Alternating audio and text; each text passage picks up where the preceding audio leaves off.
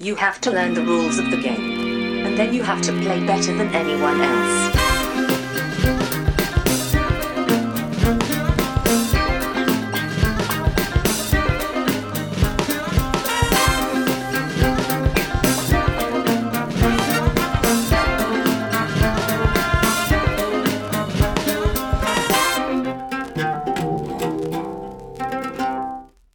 Hej och välkomna till Vems tur är det mellan turerna? Podcasten där vi pratar om spel. Jag heter Marcus Brisman. Med mig har jag som vanligt min bästa vän och kollega R2D2 till min C3PO Johan Järrud.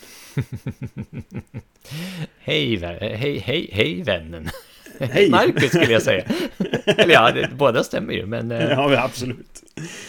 Det var, kändes också som en sån här som given som skulle komma förr eller senare kanske. Ja, precis. Alltså jag kan ju inte bara... Jag kan ju inte annat än att... eh, nej, precis. Men du har ju redan, vi har redan kört uh, Sol och Chewbacca, va? Så, ja, precis. Och Legolas och Gimli eh, hade vi sist gång. Så att, eh, eh, Ja, men det är ju jag alltså tänkte inte ta det Star Wars, klassiskt utan... rollspel. Nej. Nej. Eh, ja, nej men det är väl ehm, rätt. Se här, då, då pratar du alltså sex miljoner språk och det är... Ja. eh, Eller eh, du spel, det är ju så jämförbart med antalet spel du har spelat mer än mig. Ja, ja, Okej, ja, vi kan ta det på det sättet då i och för sig. Men för jag tänkte så här att, att du kan fler språk än jag. eh, Men å andra sidan så, så är du mer teknisk än jag också. Så att jag tänker att du är mer Arturito på det sättet. Ja, jag förstår. Jag förstår. Jag, Jag är mer den som tjötar mycket med folk. Liksom. Men ja, du kan... Du, jag tar du det. kanske är någon sorts mittemellan. jag tar det. Eller jag kanske ska säga... Ja. Har man en Star Wars sound effects-app på sin telefon så måste man ju få använda den. Det är, inte, det är inte alltid man får. Men jag är lite glad att vara till dit ett tag. Jag ska försöka Ja. komma med någon form... Jag ska försöka... Nu ska vi se. Då, då ska jag, egentligen vara den som eh, räddar eh, hela filmen. Ja, med, med någon sorts förmåga som du Som man inte aldrig har visat hade. tidigare. Ja, Nej, men precis. precis. Ja, vi får väl se när jag slår till då. Jag väntar med spänning på detta. Jag ska vara, mest vara irriterande och i vägen, tänker jag. Mm. Och kanske ta ett oljebad halvvägs genom avsnittet. Åh, mysigt. Låt oss gå vidare till vårt första oljebad. Eller jag menar vår första programpunkt. Beep, pop, pop, pop.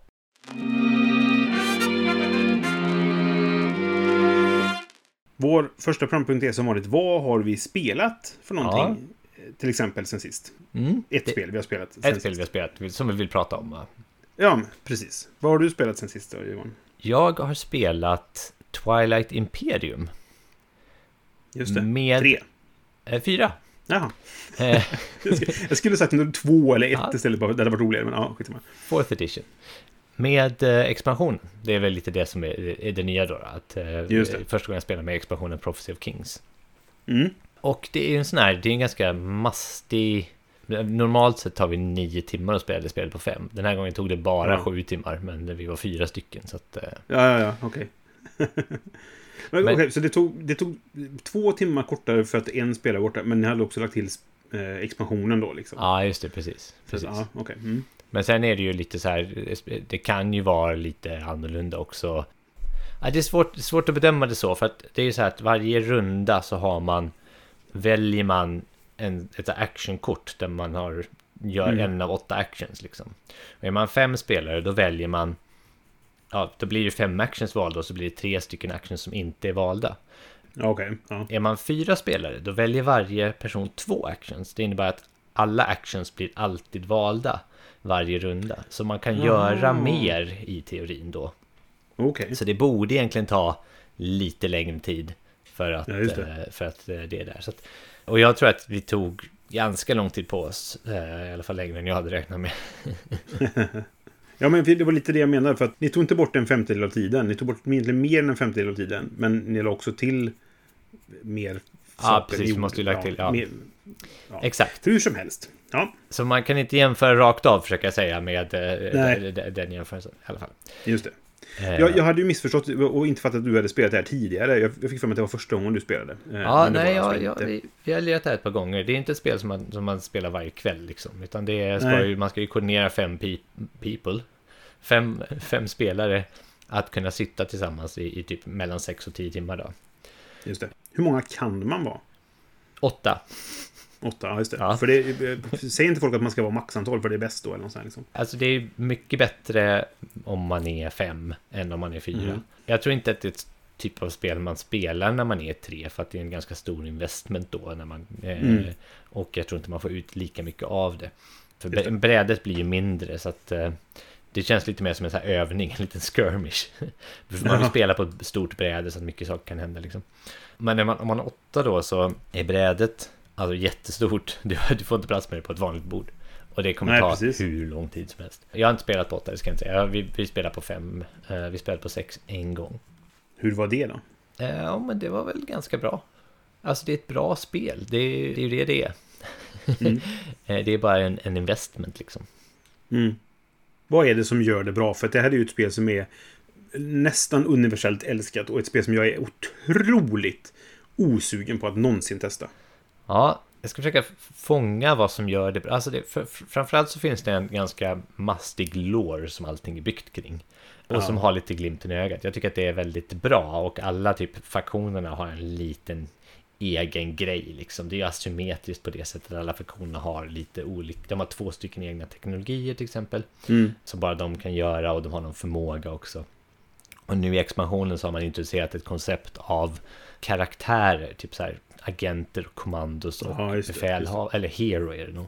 Eh, som Mm. man då kan använda på olika sätt. då. Och de är också då olika och anpassade till den radens, rasens liksom eh, förmåga då. Och då är det, den förmågan är inbyggd i deras Mm. lore också. Till exempel några är jättebra på science, några är jättebra på rymdbombning, några är jättebra på att eh, ja, hitta gamla artefakter på planeter.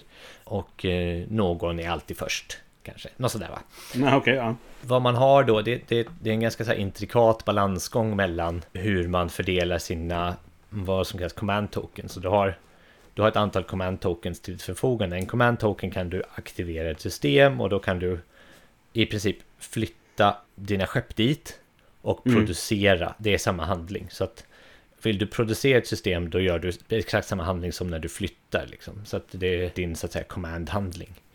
Det kan vara bra att göra om man vill köpa nya skepp till exempel. Eller om man vill flytta till en ny planet och utforska den. Så det använder man command tokens till. Och sen har man också vissa command tokens som blir strategy tokens. De använder man när man gör den här stora handlingen som man plockar som jag pratade om i början. Så till exempel, jag har typ ett antal command tokens, vilket har vi hur många handlingar jag har, plus den stor, nu kan en stor handling, det är en tactical action eller Mm. och det kan vara typ så här politics eller det kan vara manufacture eller det kan vara technology, alltså research och så vidare. Och så vidare. Men när jag gör den stora handlingen så får jag en kraftfull variant av den. Medan alla Ja, andra får spendera en strategy token för att göra den, den mindre varianten av den. Mm. Och det är den här piggyback-funktionen som jag gillar och det, det är också någonting som gör att alla är engagerade i varje liksom turn på ett, på ett helt annat sätt. Då då. Och så är det då Mm. hur man får de här command tokens och hur man fördelar dem som egentligen är det kluriga i spelet. Liksom. Mm. Så man ska kunna göra så mycket som möjligt. Liksom. Och sen har man olika teknologier, man kan bygga bättre skepp och man kan utforska planeter, det var nytt i expansionen, så att man kan liksom hålla på och gräva i planeterna och se vad som, vad som finns där. Liksom. Och så finns det massa andra saker man kan göra såklart.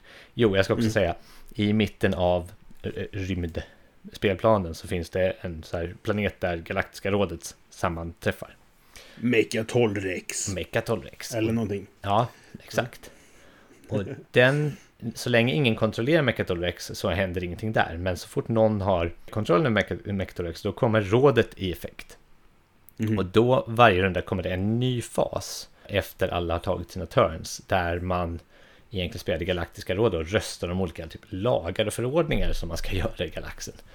Okej. Det kan vara till exempel så här att ja, ingen får åka genom nebulosor, det blir olagligt helt plötsligt. Okej. Mm. Och, och såna här grejer liksom som, som, man, eh, som man kan rösta fram då. Och det, antalet röster man har då beror på hur många planeter man kontrollerar. Liksom.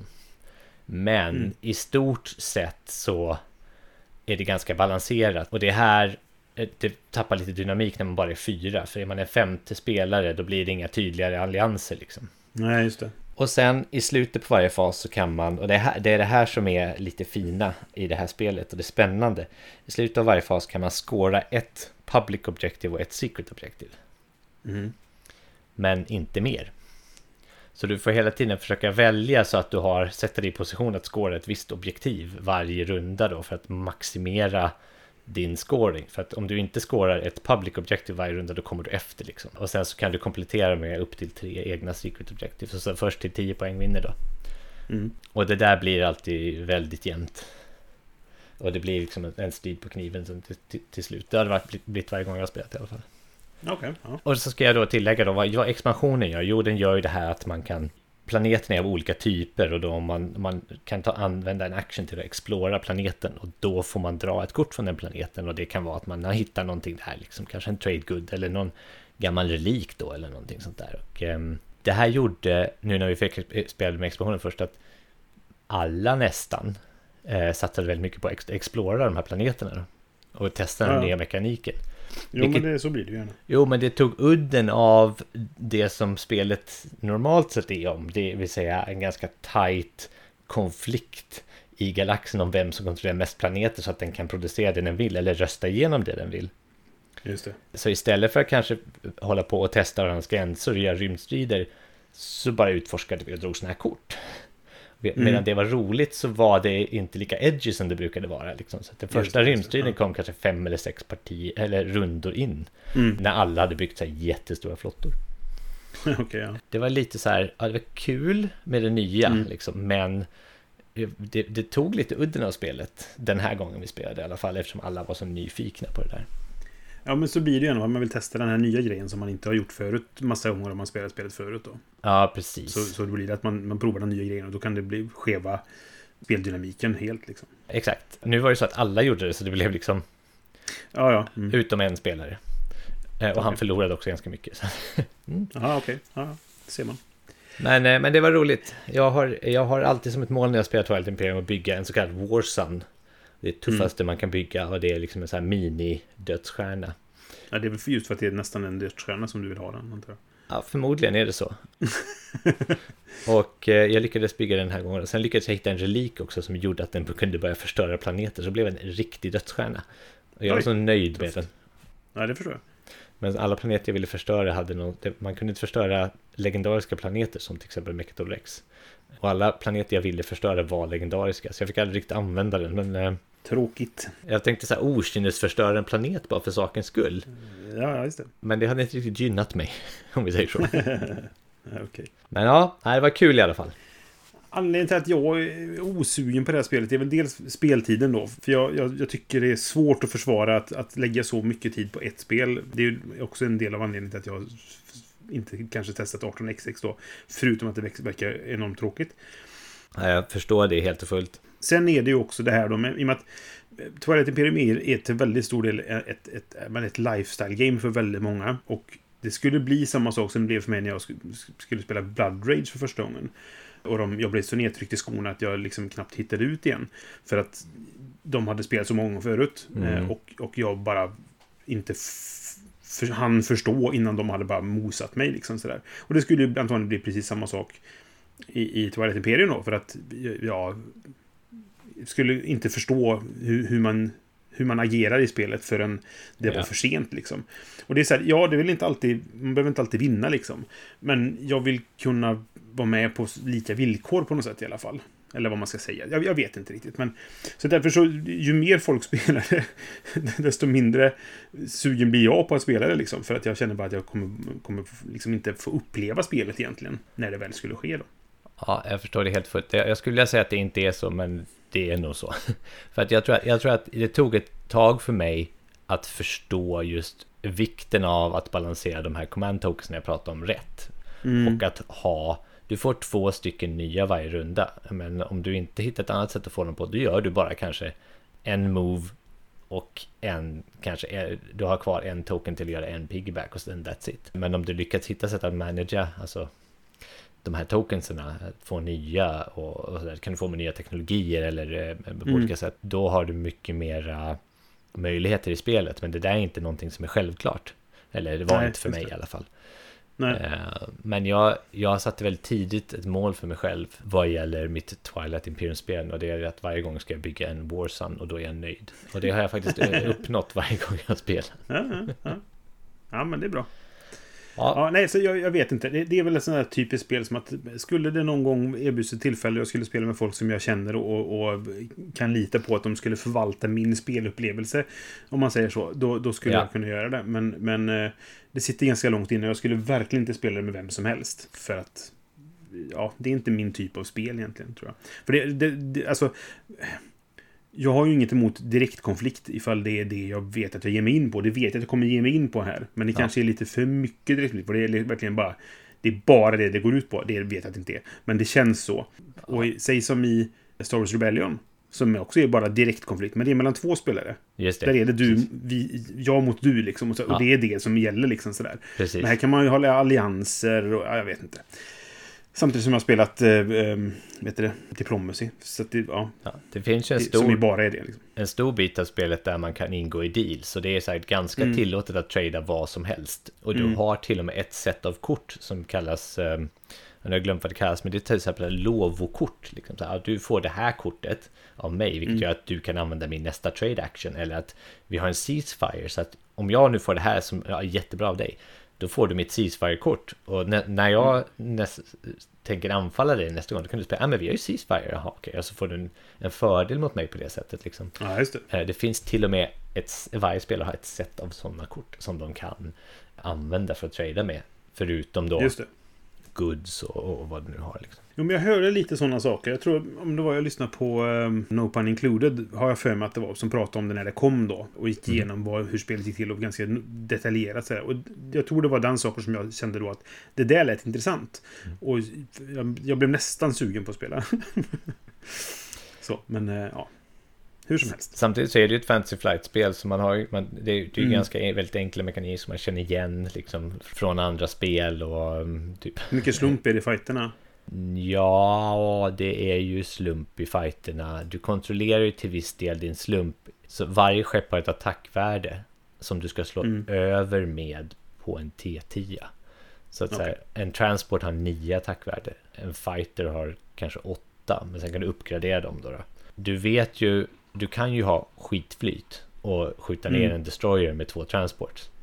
Men Mm. det, det är stor sannolikhet att den där destroyern skjuter ner dig. Liksom. Just det. Men det är fortfarande output randomness. Ja, Och det gillas ej nej, jag förstår jag. Då överlag. respekterar jag, men jag, jag tror att man har en viss chans att kontrollera slumpen. Sen har du också actionkort som kan, för, som kan förbättra eller försämra det där. Liksom. Mm. Oj, tog din Destroyer en direkt hit av den här eh, lilla kanonen ombord på, på, din, på min carrier? Oh, hoppsan! Alltså det, så att det finns väldigt mycket, väldigt mycket som kan hända då, då vilket är en Mm. del av spelet såklart. Men det är ju sånt man, det får man köpa. Liksom. Just det. Okej, Oj, nu har jag pratat med Hes om det där spelet. Eh, vad har du spelat?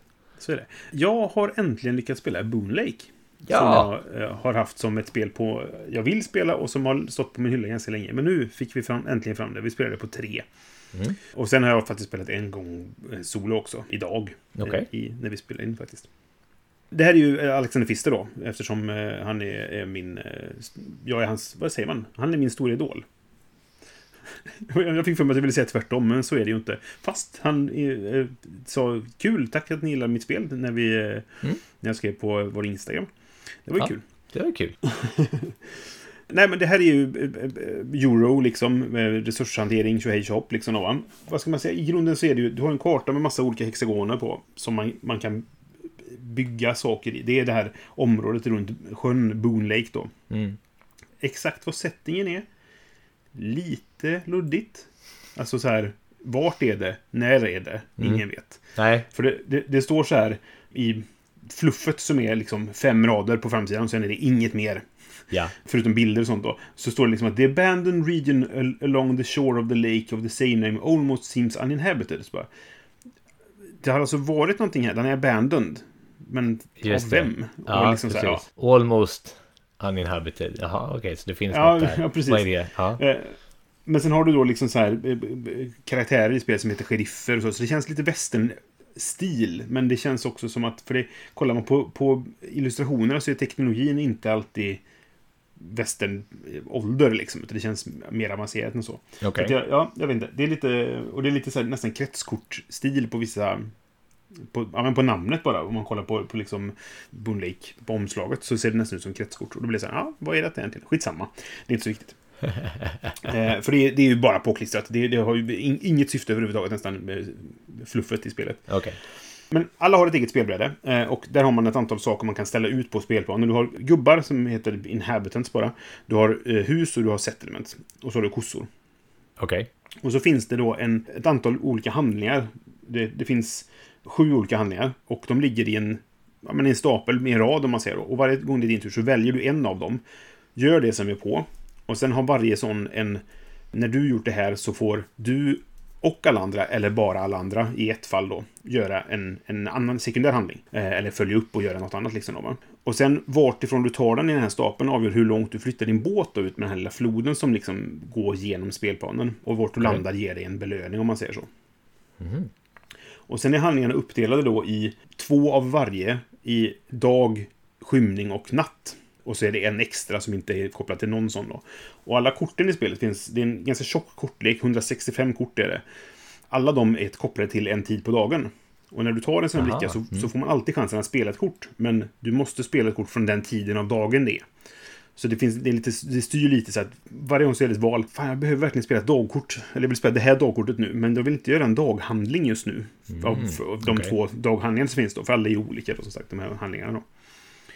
Så det är meningsfulla val. Och så är det just det här att du, du får en follow-action som du snackar om nu. Liksom. Det är inte riktigt samma sak. Eh, för att det är inte alltid det är samma handling, men de är kopplade oftast på något sätt. Mm. Liksom då, men den kan vara så enkel som att du får spela ett kort. Eller de andra får spela ett kort. Alltså de andra spelarna. Eller du och de andra spelarna. Hur som helst. Men jag gillar det, för att man... Eh, det tog nästan tre timmar att spela på tre spelare. Och det är så här, på gränsen till vad jag tål. Mm. liksom. Men yeah. i och med att jag är aktiv nästan hela tiden. Det är Precis. väldigt lite nertid liksom. Som vi pratade om i vårt förra avsnitt då. Att, att det, jag sitter inte och väntar så länge för det, det, kommer alltid till det här steget och jag får den här handlingen också. Liksom, Exakt. Och sen det man gör då är att man, man placerar ut de här gubbar på spelplanen som sen kan eh, uppgraderas till hus, som sen kan uppgraderas till settlements. Men så finns det en massa regler kring när man kan göra vilket och vad kostnaderna är och sådana saker. Och så finns det även då kort som gör att du får göra de här handlingarna med rabatt. Som, eller så finns det att du får rabatt när, varje gång du gör det. Eller så är det ett visst kort som gör att du gör handlingen. Ja, och du vet så här. Och så kan man placera ut kor då. Och så får man poäng på ganska många olika sätt. Och det är lite så här, det är lite poängsallad nästan då. Mm det kändes som att det fanns ganska mycket olika vägar att gå. När man testar. Du har en, en handling i att du kan uppgradera, du kan automatisera saker. Så du sätter det, på ditt spelbräde så har du, vad är det, 12 olika spakrutor. Alltså en ruta där du har en, en, handling där du kan lägga en spak. Det finns en handling för att lägga in en spak på ett ställe. Och sen kan du vid ett givet tillfälle då, alltså en del är när som helst och en del är mm. när det här händer. Mm. Så kan du dra spaken och få effekten. Jaha. Och sen återställs spaken då när du gör en, du har sån där interim scorings som händer fyra gånger i spelet. Okay. Och då återställs alla spakarna. Och det var en sak som jag satsade på första gången vi spelade. Då var det min grej lite grann sådär. Jag byggde sju spakar tror jag.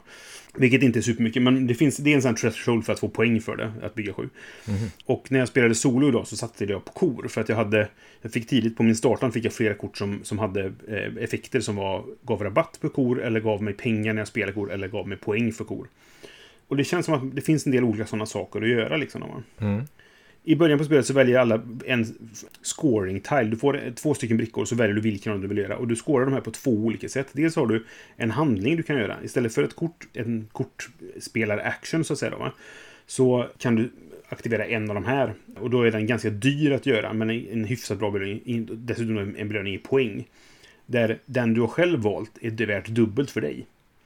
Så att man gör ett val då, vilken vill jag göra? Och sen så mm. har du även då i slutet på varje sån här interim scoring, det händer alltså så att när man passerar en viss plats på den här floden med sin båt, då mm. trias en sån. Och sen trias ja, okay. den ja, en fjärdedel in i spelet, halvvägs genom spelet, eh, nästa fjärdedel in i spelet och sen när spelet är slut då, så trias varje sån. Och då, då måste man lägga en, en poängbricka på en av de här så du måste lägga alla på alla fyra egentligen. Det är alltid fyra. Nu när vi var tre så var det en som var slumpad och sen hade vi, vi andra valt varsin då. Och om du inte lyckas uppfylla den, då får du minuspoäng lika mycket som du skulle fått pluspoäng istället. Liksom.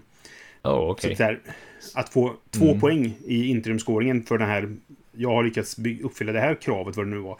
Det är ganska lite när man har en slutpoäng som slutar någonstans mellan 100 och 200. Oj, tjena. Men okay. det är ändå en skillnad på två poäng eller minus två poäng. Ja, Så då blir det lite mer spann sådär liksom. jag va? förstår. Och då, eh, känns det tvingat då att man måste, måste uppfylla de här sakerna? Eller är det ett, ett hinder så att säga? Ja, när vi spelade på tre så alla lyckades uppfylla alla hela tiden. Mm. Men det var hela tiden ett, ett, ett steg av så här. Jag, ja, jag behöver nog göra det här nu för att inte få de minuspoängen. Jag kunde ju välja bara ta minuspoängen ifall det var någonting jag hellre ville göra liksom. Mm, ja. Men oftast var det ju saker som det är bra för mig att göra det här ändå. För jag kommer ändå få poäng eller pengar för Mm. det eller någonting liksom. Och sådär. Ja, jag förstår. Så att, ja, jag har bara spelat det två gånger, men jag tyckte, jag gillade det verkligen. Det, det är Fister. Det är det han är bra på. Han, han gör det som han kan, höll jag på att säga. Liksom. Så att jag, jag är väldigt nöjd med Boon Lake, helt klart. Coolt. Var, var, det något, var det likt något av hans, hans andra spel? Eller var det Eh, liksom ny, nytt? Kändes det nytt? ja, det kändes ganska nytt. För jag, det, det som är... Den, den här huvudmekaniken är ju det här när du väljer vilken handling du vill göra och hur det är kopplat till korten. Du, du får ju alltid då välja att spela ett kort eller slänga ett kort och få pengar för det. Men det måste fortfarande vara rätt tid på dygnet. Liksom. Och jag vet inte... För Anders var så här, ja, kan man verkligen gå massa olika vägar, tyckte han lite grann sådär. Och jag vet inte hur länge det faktiskt håller på det sättet. Så jag kan, jag vet, Jag jag kan inte säga att det här är mitt nya favoritfister liksom. Men, men det, det ligger bra till, för jag tyckte att det fanns ganska mycket att utforska i det. Som jag tycker är roligt liksom. Ja, okej. Men så det, det känns ganska annorlunda. Nu har jag inte spelat alla Fisterspel heller, så jag ska inte säga att det kanske är likt något av dem jag inte har spelat. Liksom. Men, eh, men jag skulle inte säga att det är likt de som jag har som favoriter sedan tidigare. Då. De jag tänker på är väl Maracaibo, Cloud Age och eh, Great Western Trail va? Ja, och de skulle jag inte säga att det är jättelikt egentligen. Nej. eh, Någon av dem. Okej. Ja, intressant. Det, är, det är kul när man har... Eh, jag vet inte, vi har spelat eh, Blackout Hongkong också va? Ja, just det. Det har vi faktiskt gjort tillsammans med Bitter Tysk. Ja. eh, I ett avsnitt av första intrycket. ja. men det är kul när man har, när man har en så här typ... Eh, en liten favoritdesigner då kanske som, som gör lite olika saker men man kände Mm. ändå igen det på något sätt. Jo, men visst, alltså det finns ju likheter mellan till exempel eh, Mombasa och Blackout Hongkong har ju den här hur du spelar korten och vilka du tar upp när och att det är en hel Just grej med det liksom. Så där finns det likheter. Mombasa har jag ju faktiskt sålt. Jag har kvar Blackout Hongkong. Eller så sålde jag det nu när jag gjorde min stora rensning. Det gjorde jag nog faktiskt. Ja. Men eh, ja, nej, Mar- Maracaibo är min favorit annars liksom. Mm. Och det här tycker jag inte var så Det finns inte jättemycket likheter på det sättet. Nej. Ja, Man flyttar ju en båt och får effekter av båten och det gör man ju här också. Men det är snarare tvärtom att eh, vi spelar fel första gången. Där vi spelar på att man var tvungen att flytta så långt som, som eh, den här sa. att Ah, Stod ja, det fyra så okej. var jag tvungen att flytta fyra. Ah, okej. Men du, måste, du kan flytta ett till fyra. Man kan välja ett Eh, fyra, Och det, det förändrar ganska mycket. I, då kan man välja sin belöning mycket mer. Finns det sån här, sånt här sololäge eller sån här kampanjläge som man har haft i de andra, i typ Cloud Age och eh, Maracaibo? Sololäge ja, kampanjläge läge nej, faktiskt. Om det inte finns någonting... Nej, jag tror inte det. Mm. eh, Att det är något, något kampanjläge. Eh, Men det kan ju säkert komma i en Det tänkte jag precis också nu när du sa nej. Att det är någon Jaha. expansion. Det Å andra sidan så Ja, har det men inte precis. kommit så mycket expansioner till hans övriga spel. Har det det? Eh, är väl en Maracaibo fick ju en expansion nu Just på, det. nyligen. Men i övrigt så kanske det inte... Nej. Det är nog kanske inte så vanligt, nej. Nåväl. Men, ja, men det, det går ju ganska lätt att släppa en, en, en kampanjgrej. Han släppte ju eh, till Blackout Hongkong till exempel. Så fanns det ju en kampanj inbyggd. Och där släppte han ju eh, när, ja, när pandemin började egentligen. Så släppte han en, fortsättning på den. Jaha. Som, det kanske inte var Fister som gjorde den i och för sig. Men någon släppte en fortsättning i alla fall. Så att det, så här, och det borde ju gå att göra ganska enkelt också. Att ha en, en digital kampanj så att säga. Som du bara kan skriva det. ut. Eller Mm. om det inte kräver några nya komponenter. Då, liksom. Så det var Boon Lake i alla fall. Jag, jag är Cool. nöjd. Ja, nej, jag är sugen som fan på... på um, så får jag inte säga eh, på radio. Jag är väldigt sugen på, eh, på Boon Lake jag också. Ja, det tycker jag du ska göra. För jag, jag gillar det verkligen. Eh, Mm. Helt klart bra. Ska vi gå vidare till vår nästa programpunkt? Bebop, weo, bop, bop. Vi tänkte då i det här avsnittet prata lite grann om spelåret 2021. Vi gjorde ett sånt här avsnitt förra året om spelåret 2020 och vi tänkte att vi gör det igen. Vi gör det igen. Ja, visst. Ja, Det är populärt nu för tiden. Ja, att göra ett, ett retrospekt på året och så vidare. Nu är, Exakt. känns det ju ganska tråkigt då, för det har inte hänt så mycket i 2021. Nej, Det hann ju hända lite mer 2022 innan det blev liksom lockdown. Mer ja, du menar spelmässigt ja. Mm. Ja, och i år har det hunnit börja hända lite. Eller förlåt, i år. 2021 så hann det börja hända lite på slutet där innan det... Nu då i början på 2022 börjar, bli- verkar bli lockdown igen då. Men Ja, det blev ju en SL-mässa till exempel. Som vi inte det blev åkte en på. Men som, Som vi inte åkte på. Det, det pratade vi för två eh, avsnitt om. Precis, exakt. Uttryckte våran... ehm, Eh, vad heter det? Sorgesång för. Ja, men precis. Om man kollar på så här, vad, vad pratade vi om i vårt förra, ehm, vad heter det? Krönika säger man inte, för det, det låter ju konstigt. Men. Retrospekt, kan man säga. Ja, Precis. Ja, egentligen så pratade vi väl om, om vad, vad fa- fanns det någonting som, som utpräglade året som i övrigt så här, och det, det, det blir väl som Ja, pandemin. eller hur? Vi Va? spelade på nätet en del och, och, och man, man kunde inte spela så mycket som man ville. Liksom. Och sen var det ju en ganska stor fraktkris då i Kina som påverkade oss spelare och alla andra. Så, men det känns som att vi, vi gamers, eller vad man ska säga, vi hobbyister, vi hade lite koll på hur det funkade sådär. Har du haft någon koll på liksom fraktkrisen? Alltså, jag har ju eh, eh någon koll på den annat än att jag har varit eh, liksom hört historierna och eh, betraktat förseningarna och absolut inte fått någon Playstation 5 ännu. Nej, precis. Annars har jag inte riktigt så här bevakat den kan jag säga. I min värld så pågår det fortfarande en viss brist på Alltså det står en massa containrar där i kinesiska hamnar som inte kommer loss liksom. Nej men precis. Alltså, jag har ju haft lite koll på det för att men jag följer lite utgivare och jag har lite så här, jag pratar med folk och, och, och hör vad som händer och så vidare. Och det, det som jag har förstått på många är att, att mindre utgivare fyller oftast inte en hel container Mm. med en, en tryckning av ett spel. Om det inte är ett väldigt stort alltså spel som tar mycket plats om man säger så. Vilket gör att man måste sam- samarbeta med någon annan. Och det, det kan vara svårt att hitta någon. Och oftast de där halv... Eller containrarna som inte är liksom... Här är bara en container full med Microsofts produkter liksom. Mm. De kanske knuffas undan liksom. Eller så här att prioriteras lägre om man säger så. Så det är väl det som har hänt med många, många Kickstarters och sådana grejer. Att, att de, de, om det inte är ett jättestort projekt så, så har det liksom hamnat efter av den anledningen. Och sen har det väl dessutom då varit brist på produktionssidan för att Mm. folk har varit sjuka och fabriker har gått på halvfart och så vidare. Och sen även då en viss pappersbrist. Jag vet inte exakt hur utbrett det där är, men det har väl varit ont om papper eh, helt enkelt. Där ser man. Mm. Ja, vad jag har hört då. Och sen är det... Nu, jag är väldigt dåligt insatt så jag ska verkligen inte säga... Det här, man ska ta med en nypa salt vad jag säger nu. Men, men det jag hörde var ju då att, att en, stor del av det här med att, att problemen är i Kina med containrarna. Det är att det kommer, det det kommer inte containrar tillbaka med, i samma takt som de skickar, skickar ut då. Och det är därför det är liksom containerbrist då. Eh, och saker krockar eh, och kan inte skickas och vad det nu är liksom. Ja, det verkar väl rimligt. Att det ska vara, att det är en följd liksom av allting andra, allt Ja, andra som händer. ja. Så det, det, det, känns som att det har präglat vår... Det har präglat hela världen egentligen, men det har präglat, präglat kanske eh, hur vi har uppfattat och vad vi har fått för spel och vad som har kommit och vad som varit slut och sådär liksom. Mm. Vilket jag också har haft en del att göra med i jobbet då, i och med att vi jobbar med, elektronik, eh, alltså Ja, datorer och sånt. Såklart. Reservdelar och eh, nyproducerade datorer har varit svårt att få tag på i Mm. ganska många fall. Jag skulle säga en annan sak som har präglat året eh, och också en följd av 2020 kanske då, eller 2020.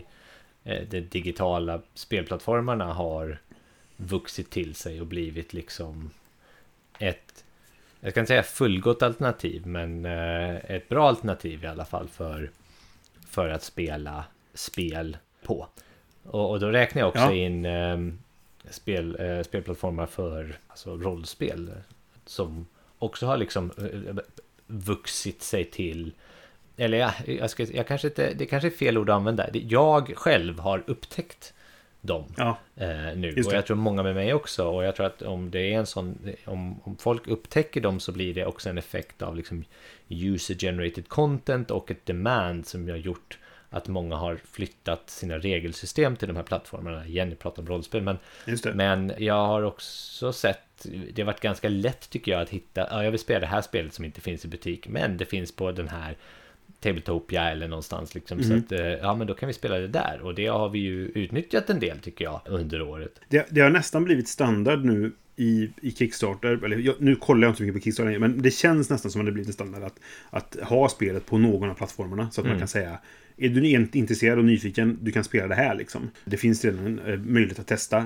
i någon betaform då, eller vad det kan vara. Liksom sådär. Ja, precis. Det är ju en, ett utmärkt tillfälle att få tidig feedback innan man skickar någonting till fysisk produktion till exempel också. Ja, men verkligen, absolut.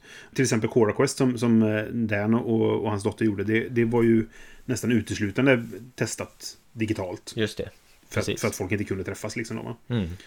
Och, och, och bara en sån sak som att Asmodee köpte upp Board Game Arena. Är Just väl ett tecken på att eh, online-spel är en stor grej liksom. Och sen köpte någon upp Asmodee. Så det, det är väl en Ja, sån här... jo, um, precis. Det är väl också en trend då att man har samlar, Asmodee började ju då att samla massa grejer under, under sin Mm. flagga och sen så har de blivit uppköpta av något ännu större. Jo, de, så de, det, första gången de blev uppköpta var väl då var det just ett ett investmentbolag som hade som syfte att sälja det vidare så att säga. Då, va? De som köpte nu är inte riktigt på den... Förhoppningsvis då. De, det är väl också ett investmentbolag, men förhoppningsvis kanske de har köpt det för att det är något som intresserar dem. För det är ändå, de har ju en, en grund i, i dataspel. Mm, precis. Så det, det, det kan väl vara kul. Det tycker jag verkar lovande faktiskt. Ja, får väl se. Det har inte varit... Eh, jag tycker det, det, det själva... Man var ju rädd för så här monopol och så, eller det var många sådana röster som hördes när, när Mm. Asmodee först började köpa upp en massa producenter. Men eh, jag tycker inte, jag har inte märkt, nu ska jag säga jag som, som så att säga, konsument av allt det här har inte märkt Nej. någon direkt skillnad. Till, I alla fall inte till december. Det kanske har blivit, det kanske är skillnader som man, man har märkt som, som kan tillskrivas Asmodee trots att man kanske inte vet att det är de som har haft ett finger med i spelet. Det vet jag inte. Nej, alltså, nej, som konsument, jag har nog inte märkt så mycket heller. Jag har hört dock lite grann från, från eh, återförsäljare, alltså butiker och sånt, som eh, har haft problem med att få tag på, på varor ibland för att de, Asmodees fördelningssystem är, är ganska arbiträrt verkar det som. Ja, okej. Att eh, det, det är så här, ni får så här många spel. Är det slut? Ja, då får ni vänta till på nytryck liksom. De, de, de har inte möjligheten att så här, vi vill förboka detta. Nej, ni, ni får det när det kommer. Då kan ni Mm, köpa. ja, okej. jag vet inte riktigt så. Så jag, jag, jag, det är jag inte helt insatt heller. Vi borde kanske ha med någon som jobbar på butik och som kan reda ut det lite grann Mm. i podden. Men det, det verkar som att det kan det ha blivit lite krångligare för vissa då. Eller så där, liksom. Men jag, som konsument har jag inte direkt stött på någonting. Och som recensent har jag fått väldigt mycket lättare att få tag på recensionsex eftersom jag har en, en bra kontakt hos Asmodee. Liksom Just det. Så är det många fler, det öppnar många fler, fler möjligheter att, att få spel från fler företag. Så på det sättet är det bra. Men Mm. visst, det, det, monopol är väl aldrig något bra egentligen. Liksom. No pun intended. Nej, men... har, har du någon sån här bästa spelupplevelse för året? Oj, Var det att få spela överhuvudtaget med någon? jag tror det. Jag tror jag får räkna den här... eh, Ja, alltså vi hade... Jag har haft... Ja, ja, det var det. Jag har haft två stora, stora spel som jag har klämt av med ett gäng goda vänner. Två vid Mm. två tillfällen under hela året alltså som jag träffat Ja. Där vi har träffats i fysisk eh, gestalt. Och de Mm. har ju varit liksom höjdpunkterna, det måste jag ju säga. Eh, det första var Terraforming Mars med alla expansioner. ja, just det. Eh, och så var det nu Twilight Imperium här, häromdagen när vi spelade det. Och det är liksom Mm. så här... Vi hade ju, jag hade ju också ska jag säga, vi hade när, när, när alla hade fått vaccin och det släppte lite eh, så hade vi en, eh, en hotellhelg planerad när vi skulle spela, som, spela järnet alltså. Och då Men blev ju, du blev sjuk. då blev vi sjuka ja. så ja, det kunde jag inte Ja, precis. Nej, exakt.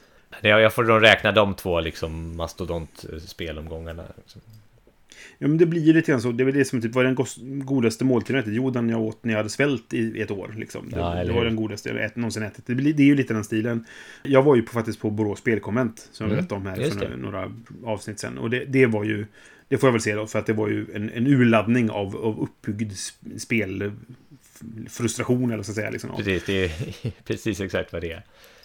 Så att eh, det, det var väl, det, det, får väl se som hö- höjdpunkten. Men, men bara det här att, att vi kunde träffas här igen med, med min reguljära grupp. Som, vi hade sig då som sagt spelat på nätet Mm. på olika plattformar och hållit kontakten på det sättet. Men det var ändå lite speciellt att få träffas ansikte mot ansikte liksom. Ja, nej precis. Och, och sen då, en, en reflektion av det är ju liksom så att när man är en, en brädspelare, då är ens vänner ganska sannolikt också brädspelare. Så när man träffas Mm. då är det brädspel man spelar. Vilket inne- innebär, det är ganska konstigt, man använder typ en kvart kanske när man träffas för att avhandla två års isolering. Och sen så kör Ja. man spelen. Ja, men precis. Mm. Vilket är lite intressant och är, är lite en egenhet kanske för oss. Men eh, det är Ja. roligt, att träffa, roligt att träffa folk igen. Eller var. Nu är det ju kanske lite mindre av den. Ja, varan i inspelande igen. stund så är, så är smittspridningen hög. Så Ja. vi, vi isolerar oss lite igen sådär. Men, men om- man tänker, vad, finns det någonting som du ser fram emot extra mycket? Att det förhoppningsvis kan hända i år då? Om man bortser från att det är lite mer isolering nu då. Ja, jag hoppas kunna eh, vara med på flera sådana där hotellhelger. Det är lite så man får göra nu Mm. när man har familj har jag märkt. Att man får liksom satsa, lägga alla sina ägg i en korg.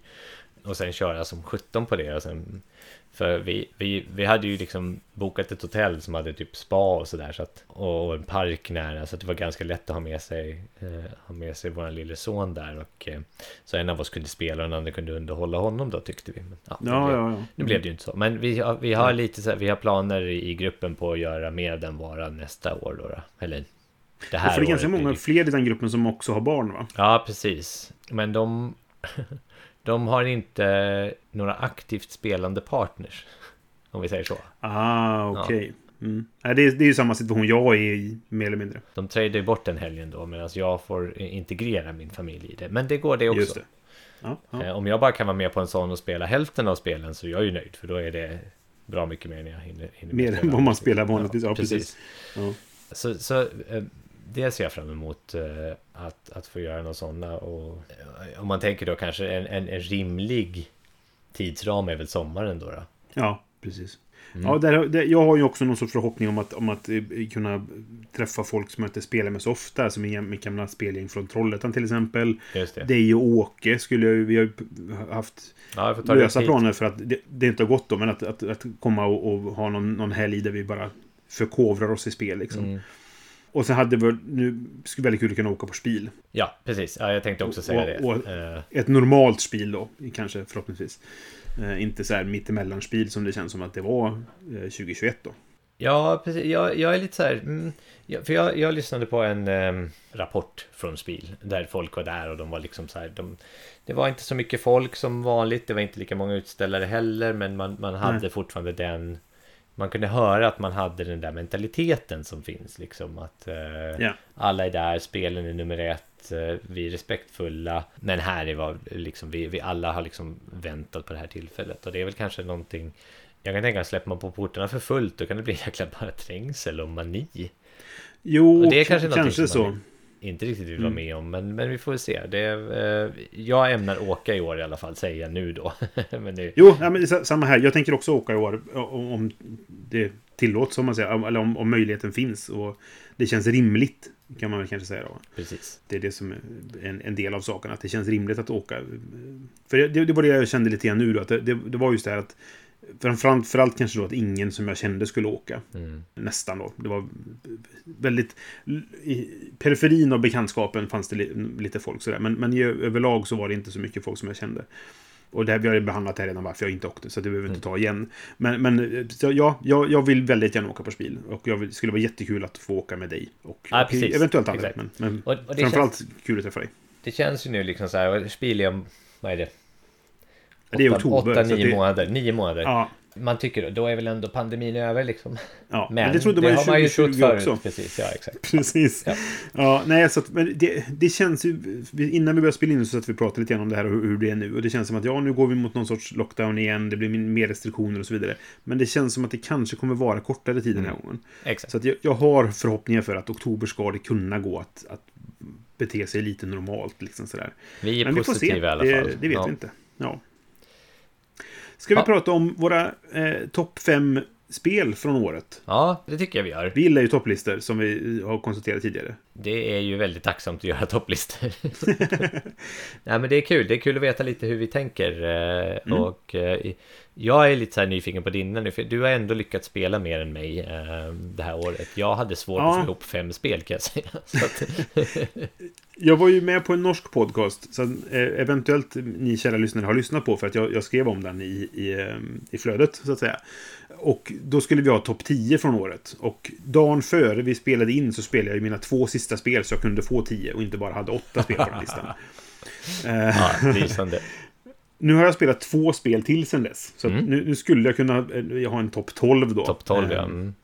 Men Ja. jag begränsade mig till, till topp 5 nu då. Och jag, jag har också sagt, när jag var med i, i eh, Mindys årskrönika så pratade vi om eh, bästa spelet bara, topp 1 så att säga. Mm, mm. Där jag ändå nämnde två spel för att det var av olika anledningar vi fuskade lite grann. så här. Det gjorde alla hela tiden. Men, Okej. och då, då sa vi så här att det bästa spelet som vi har spelat i år, för första gången. Men jag har nu begränsat mig till att jag vill att det ska vara utgivet 2021. Det, det har varit mitt kriterie liksom sådär. Har du också gjort så, eller har du kört med på vad du har spelat för första gången? Du gav ju mig en liten frist där genom att säga att eh, vad jag hade spelat för första gången det här året. Så att jag har Ja. nått 2020-spel med på min lista faktiskt. Just det. Nej, och det, det känns helt okej. eh, för att det är ändå ett hyfsat nytt spel. Jag vill ha den här begränsningen för mig själv. För att det känns Ja, som det blir mer stuns i det på något sätt. Jag vet inte riktigt. men det, det förstår Eh, jag. Men jag tänker ta mig den friheten för jag har inte riktigt... Ja, ja, ja eh, verkligen. Det är helt okej. Nu ska jag bara kolla upp så att det spelet som jag har som är 2020 verkligen är 2020.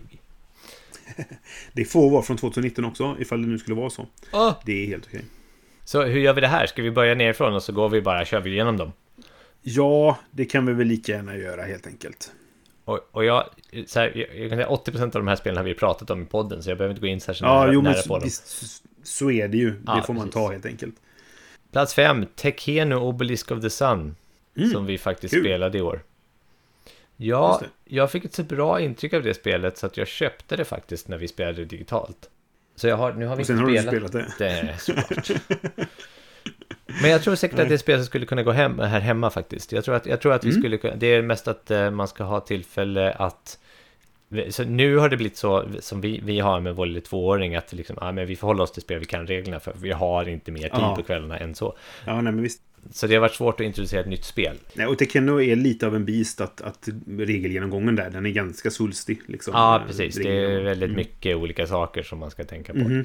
Men jag tyckte att när vi spelade var det så pass bra att jag kände att det här är ett spel som, som jag kommer vilja ha i min samling, som jag kommer vilja ta fram då och då i vissa tillfällen. Liksom. Och det kommer det. också konkurrera ut några av de spelen jag, jag har, liksom, kände jag. Mm. Men jag måste spela det igen. Men jag, jag känner att jag hade en, en så positiv intryck av det så att det kommer upp på min topp 5-list. Men, men nu får du komma ihåg också att det, jag hade att välja på sex spel. så, så, jag vet Så inte, det är kanske- näst sämst Nej, men jag hade några, några, fler, några fler än så. Men eh, det, det kanske inte säger så mycket som det kanske skulle sagt ett normalt Johan-spelår. Nej, men det, jag köper det. Och jag, jag, det är ett bra val. För jag, jag tycker ju väldigt mycket om Tekeno. Det gick ju rakt in på, tror jag, elfte plats på min topp 100-lista. Från utanför listan till, till med på topp 20 liksom. Och det är ju 2020, från 2020 då ska vi säga. Så att det där Ja, har jag ju precis. tagit min, eh, min utsvävning. Jag har fortfarande inte fått tag på expansionen. Och det här är en expansion jag faktiskt vill ha. För att jag tyckte att spelet var så bra att jag är nyfiken på expansionen. Men den, jag, har inte, jag tror inte den är riktigt släppt än. Den skulle släppas på speed tror jag, men jag tror inte den kom. Mhm. Eller så är det bara jag som missat den. Min nummer fem är ett spel vi nämnde för en halvtimme sedan. Och det är Boon Lake. Ja, För att eh, jag tyckte att det var... Eh, ja, men jag tyckte det var jättebra. Men det, det hamnade på femte plats istället för högre då. För att jag, jag har bara spelat det två gånger och jag var en gång solo. Liksom, så att jag, jag behöver spela det mer för att verkligen bestämma mig. Men jag, jag eh, var väldigt glad i, i det när jag hade spelat det. bra. Så att det, det fick vara med på topp fem-listan. Direkt in på femman. Mm. Jajamän. På plats fyra för mig. Ja, Eh, Furnace ah, har vi också spelat innan. Och här har jag ju sagt att jag, jag själv då, det behöver inte betyda att alla andra har samma intryck, men jag, jag jämför ju det väldigt mycket med ett annat spel som jag spelat första gången det här året, som heter It's a Wonderful World. Och jag tycker att Furnace är bättre, även om jag tror att It's a Wonderful World är lite, det är lite mera spel, det är mycket mer att utforska i det. Så Mm. tycker jag Furnace, vad det gör, är samma, det kittlar samma nerv. Och det tar lite kortare tid här för mig också, lättare, lättare liksom att ta med sig. Så att jag valde Furnace av de spe, två spelen med liknande Ja. mekaniker eh, som går in på min det. fjärdeplats. Det kan komma senare eventuellt på min lista. Mm. Kan jag väl säga då. Men inte på fjärde plats, för där har jag ett spel som heter Canopy. Jaså? Nu blir jag Eh, och det här är förvånad. också... Ja, precis. Det är jag med, faktiskt. För att jag, jag köpte det här lite grann eh, på slump. Det var ju det är Vincent Trade, så att jag... jag så här, det var jättefint verkligen sådär. Ah, just det. Och så var det någon som sålde en, en Kickstarter-utgåva så det var lite extra lullull med och hej och hå då va. Och jag tyckte så här, ja men det verkar väl lite kul i alla fall. Och så tog jag med mig det när vi åkte upp till, till Strömstad då, till min sambos mamma.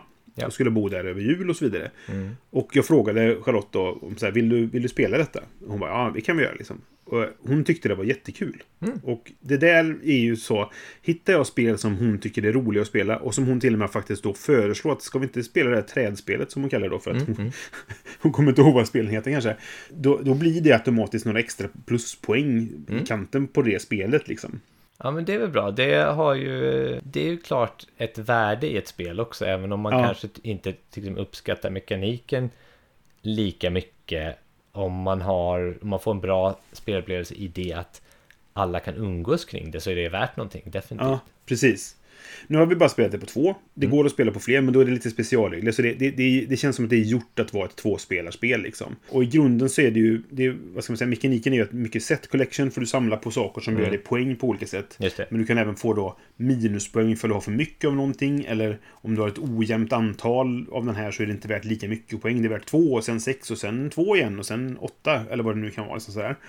Och sen har du tre högar med kort som är vända neråt. Och varje runda så får du titta då på det första högen av kort. Välja, vill jag ha den här eller inte? Vill jag inte ha den så lägger jag upp dem face up. Okej. Eh, och sen kollar jag i nästa hög. Och nu kan jag inte gå tillbaka och ta den för högen. Så det är lite så här push your luck då. I att Ah, okej. vill jag, vill jag chansa på att nästa kort är bättre och så vidare? Och hur många ligger det där? För det finns också negativa kort, alltså kort som har faktiskt bara dåliga effekter om man säger då. Men även där finns det lite balans då för att så här, du har brandkorten då som är till exempel som är bara negativa. Har du ett så är det ingen fara. Har du två så kommer du förlora två av dina växtkort för det finns växtkort och djurkort. Men har du tre, då förlorar du ett växtkort och din motståndare ett växtkort. Så att har du väl fått två, då kan du lika gärna skaffa ett till då. Sådär. Och så avgör man ju lite då vad man vill lämna till motståndaren och sånt också. Men jag kanske vill ta den här nu för att inte du ska få den och sådana saker. Så det funkar väldigt bra som ett duellspel på det sättet. Mm. Utan att det egentligen var för komplicerat då. Det finns till och med med expansion i, alltså så här, de avancerade korten, och de har man ju inte ens spelat med än. Utan vi har bara kört basic-grejen då. Men ja, jag tyckte det var mysigt, trevligt litet spel sådär. Inte superkomplicerat, men, men lagom svårt. Och framförallt då att jag, jag kunde, det var någonting som min sambo, som inte spelar så mycket spel, så här, ville att vi skulle spela igen. Och det, det höjer det verkligen. Då. Kul. Ja, jag är nyfiken på det nu när du pratade om det för att eh, Mm. det känns ju som någonting som skulle kunna gå hem här hemma. Vad, vad var speltiden på det ungefär? En halvtimme kanske.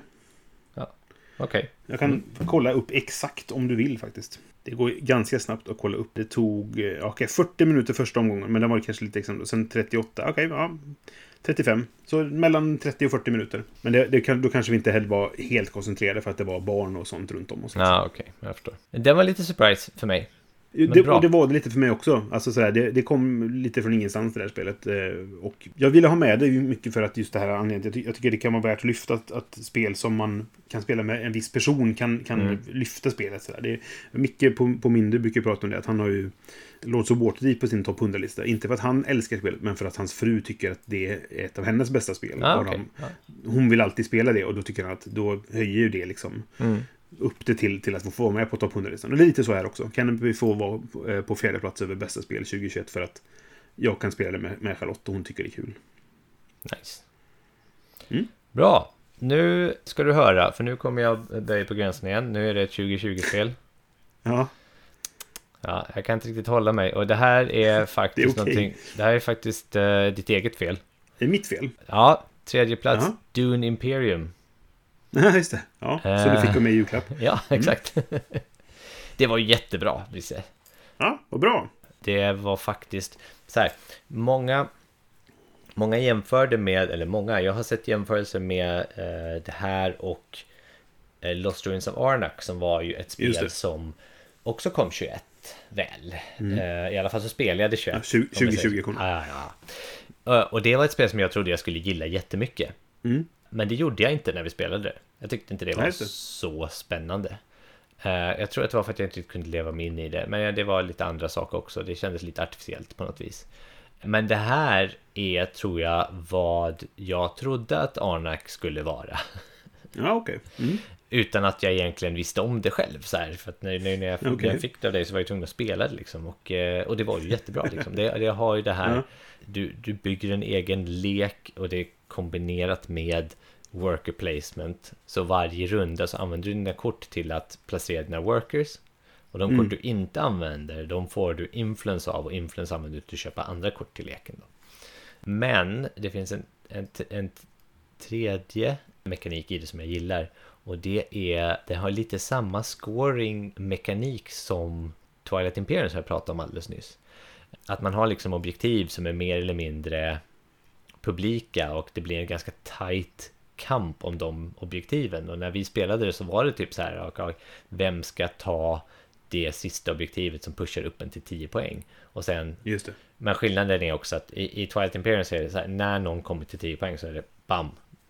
Då, då, okej. let's call it, då är det den som vinner. Här är det typ, Mm. nu har du en extra scoring efter det för att se om någon kan full, fylla upp någon slags objektiv för att komma över. Mhm. Nej men det är ett jäkligt, jäkligt bra spel bara faktiskt som, som lyckas Mm. kombinera de där två genrerna. För det har ju varit lite av ett tema också. Liksom att först kom det här uh, Endless Winter som försökte göra allting på en gång. Ja, Typ kombinerat precis alla mekaniker, eller i alla fall populära mekaniker. Och sen då Arnak hade den här, det här, levererade det här löftet som inte uppfylldes förrän Dune, Dune Imperium gjorde det rätt. Så att eh, jag känner Mm. att det var någon slags cirkel som slöts där. jag, fick, jag, fick, jag fick ett spel i den där genren som jag hade varit ute efter ett litet tag. Ja, ja. ja. Och jag har ju fortfarande inte spelat det, men det är ju ett av de spelen som ligger högst upp på min vill-spela-lista. När Mm. man får chansen till det då. Någon gång. Ja, det, så, så det jag, bra. jag är väldigt sugen på det. Men det, det är ju det klassiska då. Det, det ligger inte på recensionshögen och då får det vänta. Synd, det ligger nog många bra spel där. Ja, det gör det verkligen. Anno 1800. Det ligger många spel som har som sagt varit på min så här, vill spela eller se fram emot att spela-lista. Liksom. Just det. Men eh, jag, jag är lite rädd för att Dune Imperium ska ha lite för mycket direktkonflikt i de här fighterna då. Att det, där kommer det inte... Där kommer det ta- tappa lite för mig. Men jag vet inte ifall det, Ja. om jag är inställd på det kanske det funkar liksom. Men jag tror inte det är så. Det är bara en fas av spelet som du gör det och det är ett ganska Ja. specifikt sätt du gör det på. Ja, okej. Det är inte så mycket take that över det utan det är mera taktik. Ja, ja. Men du måste delta i det för att kunna få nog med victory points för att vinna. Så att, eh, Just det. Mm. Ja, okej. Mm.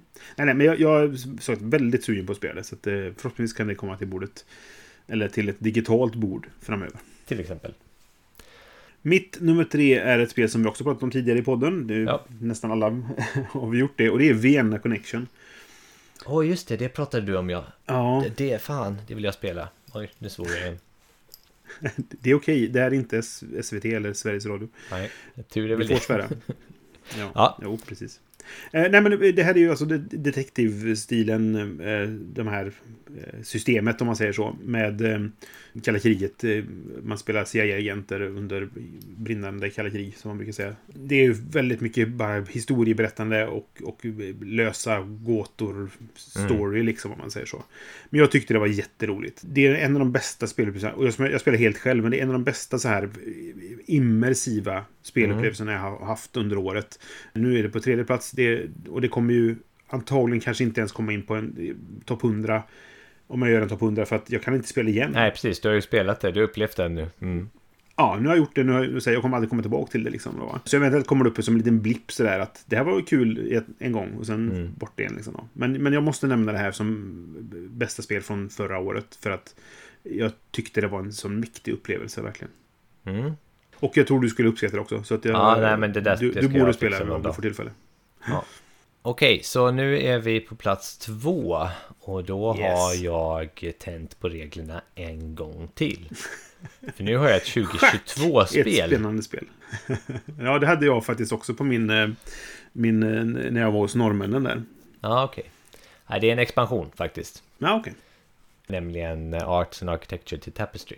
Ja, ja, ja. Den är inte släppt officiellt än då. Kanske är föga förvånad. Men eh. Tapestry är ju ett av mina favorit, absoluta favoritspel och det här gjorde, den här gör spelet bara bättre. Lite mer komplicerat skulle jag säga. För att man får tänka lite mer och man får, det, det kommer ju, innan så var det, man hade de här fyra tracksen som man gick på, nu kommer ett femte track. Så man kan liksom inte kombinera på det sättet man hade brukat kunna kombinera innan utan att ta den här femte tracket i, i, i beaktande. Så det Just. blir lite annan spelupplevelse, plus Mm. att de introducerade nya techkort, vilket behövdes, och nya startbrickor, alltså typ eh, Capital City-brickor. Ja, just det. Mm. Som var ganska annorlunda från, från de tidigare, kändes det som. Ja, de har lite andra så features kan man säga. Det är Mm. inte bara olika konfigurationer av så här un- unbuildable slots, utan det är lite specialregler också som kommer med dem. Så Just de det. kallas advanced och varje, rund, varje gång man börjar spela så får man välja om man vill ha en advanced eller en vanlig. Och sen var det såklart nya civilisationer och nya, eh, nya um, tapestry-kort också. Mm. Så att det, det, det tycker jag var kompletterar spelet på ett bra sätt och eh, gör det lite roligare. Även om vi hade kul med grundspelet fortfarande liksom. Vi har inte spelat vi har bara spelat det ungefär 30 gånger så vi har fortfarande Vi har fortfarande mycket av grundspelet kvar Men nej, Ja, ja. nej, det gör det bara bättre Det gör det bara att det håller längre för oss också Mm. Ja, Jag har inte lyckats eh, testa expansionen än på grund av att jag inte spelat så mycket. Men, eh, så det, det, jag har fortfarande det att se fram emot. Men, eh, Det här är alltså den andra expansionen också ska vi säga ja, men precis. Jo, den första expansionen har jag spelat. Ja, den är bra mm.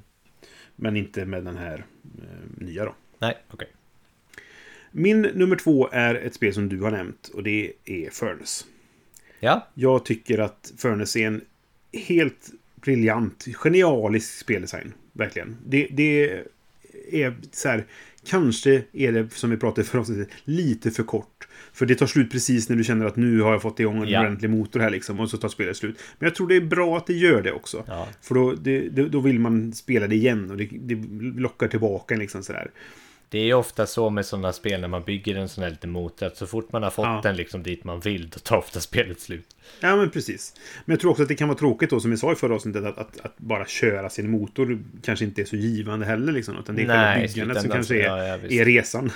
resan är målet, eller vad är det man säger? Liksom. Ja. Men, men alltså, så här, och, och det resurshanteringsbiten, det är, det är okej. liksom. Det är lite intressant. Men det är just det här med auktionsmekaniken som är så jäkla smart.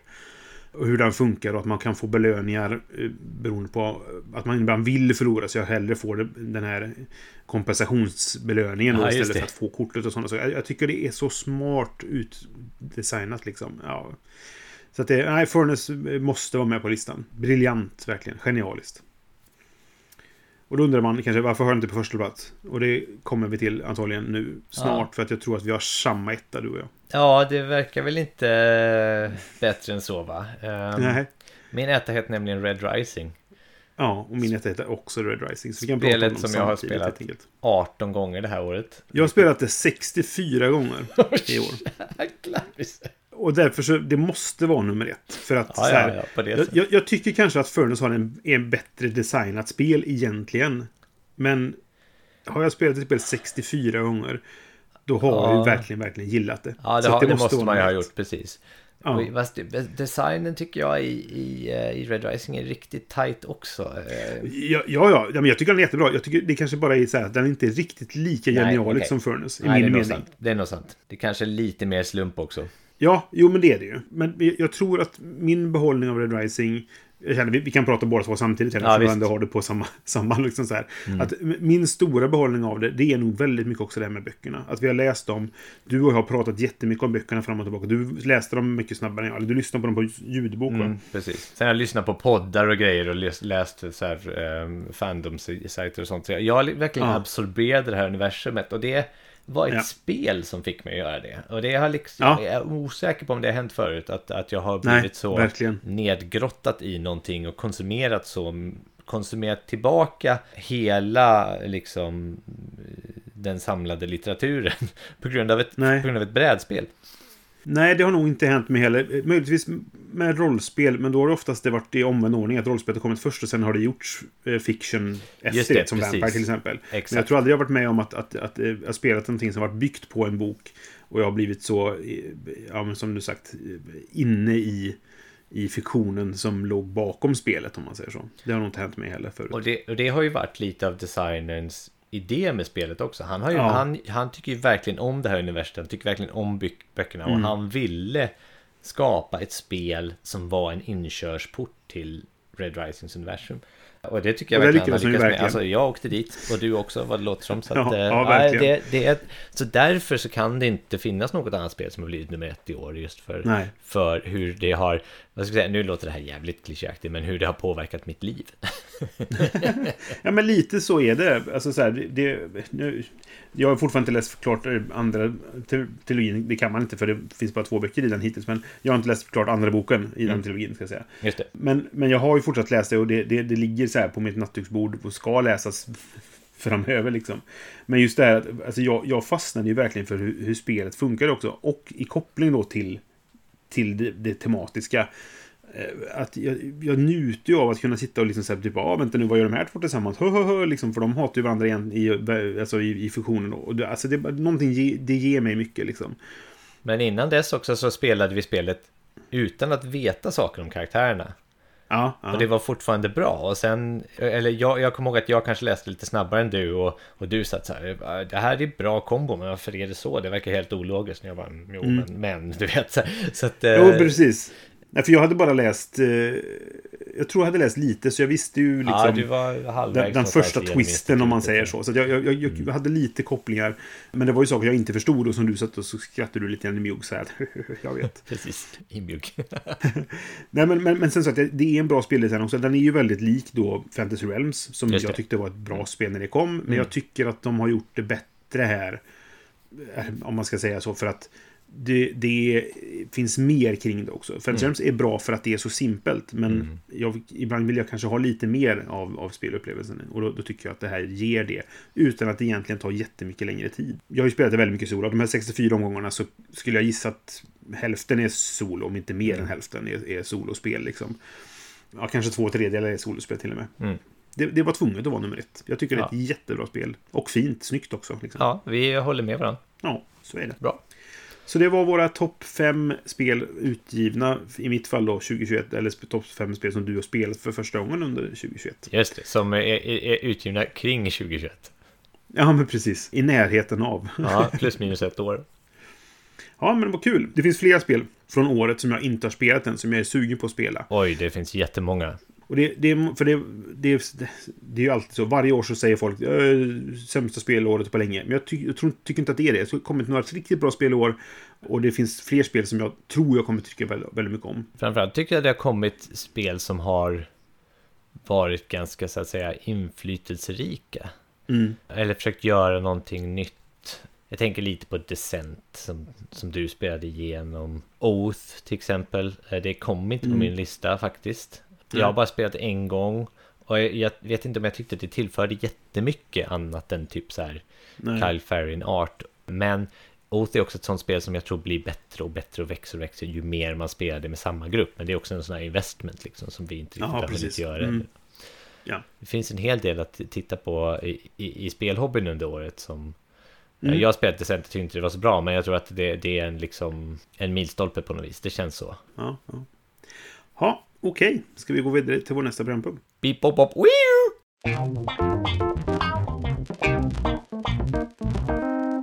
Vi har kommit till inte ett speltips-tipset där vi tipsar om någonting som inte är ett spel. Jag tänker tipsa om en serietidning eller ett seriealbum den här gången. Och det är Hawkeye, The Saga of Barton and Bishop. Ah. Som är skriven av Matt Fraction och med illustrationer av David Aya, eller Aja, eller hur det nu uttalas. Förlåt om jag slaktar namnet. Och det här är ju mycket då på grund av, av tv-serien som har gått på Disney Plus nu. Som jag tyckte var väldigt bra. Och jag läste den här serien igen i samband med att jag tittade på tv-serien. Och jag läste den tidigare. Men, men jag läste igenom den igen och köpte albumet. Jag läste den digitalt tidigare. Men nu köpte jag albumet för att så här, jag vill äga detta. För jag tycker det är jättebra. Disney-serien är löst baserad på den ska man väl säga. Men det finns en del kopplingar ändå. Men jag, jag, jag, så här, den är väldigt lågmäld. alltså så här, så här nära mänskligheten på något sätt. Liksom. Ja, Väldigt, okej. Inte så här svulstigt ute i rymden och, och panga och tjoa liksom. Det är inte mycket action. Det är en del action är det sådär. Men, men det, är, det är flera gånger som, som Håkan bara, ja men jag ska iväg på en Avengers-grej och sen så är det rutan senare, ja det var jobbigt.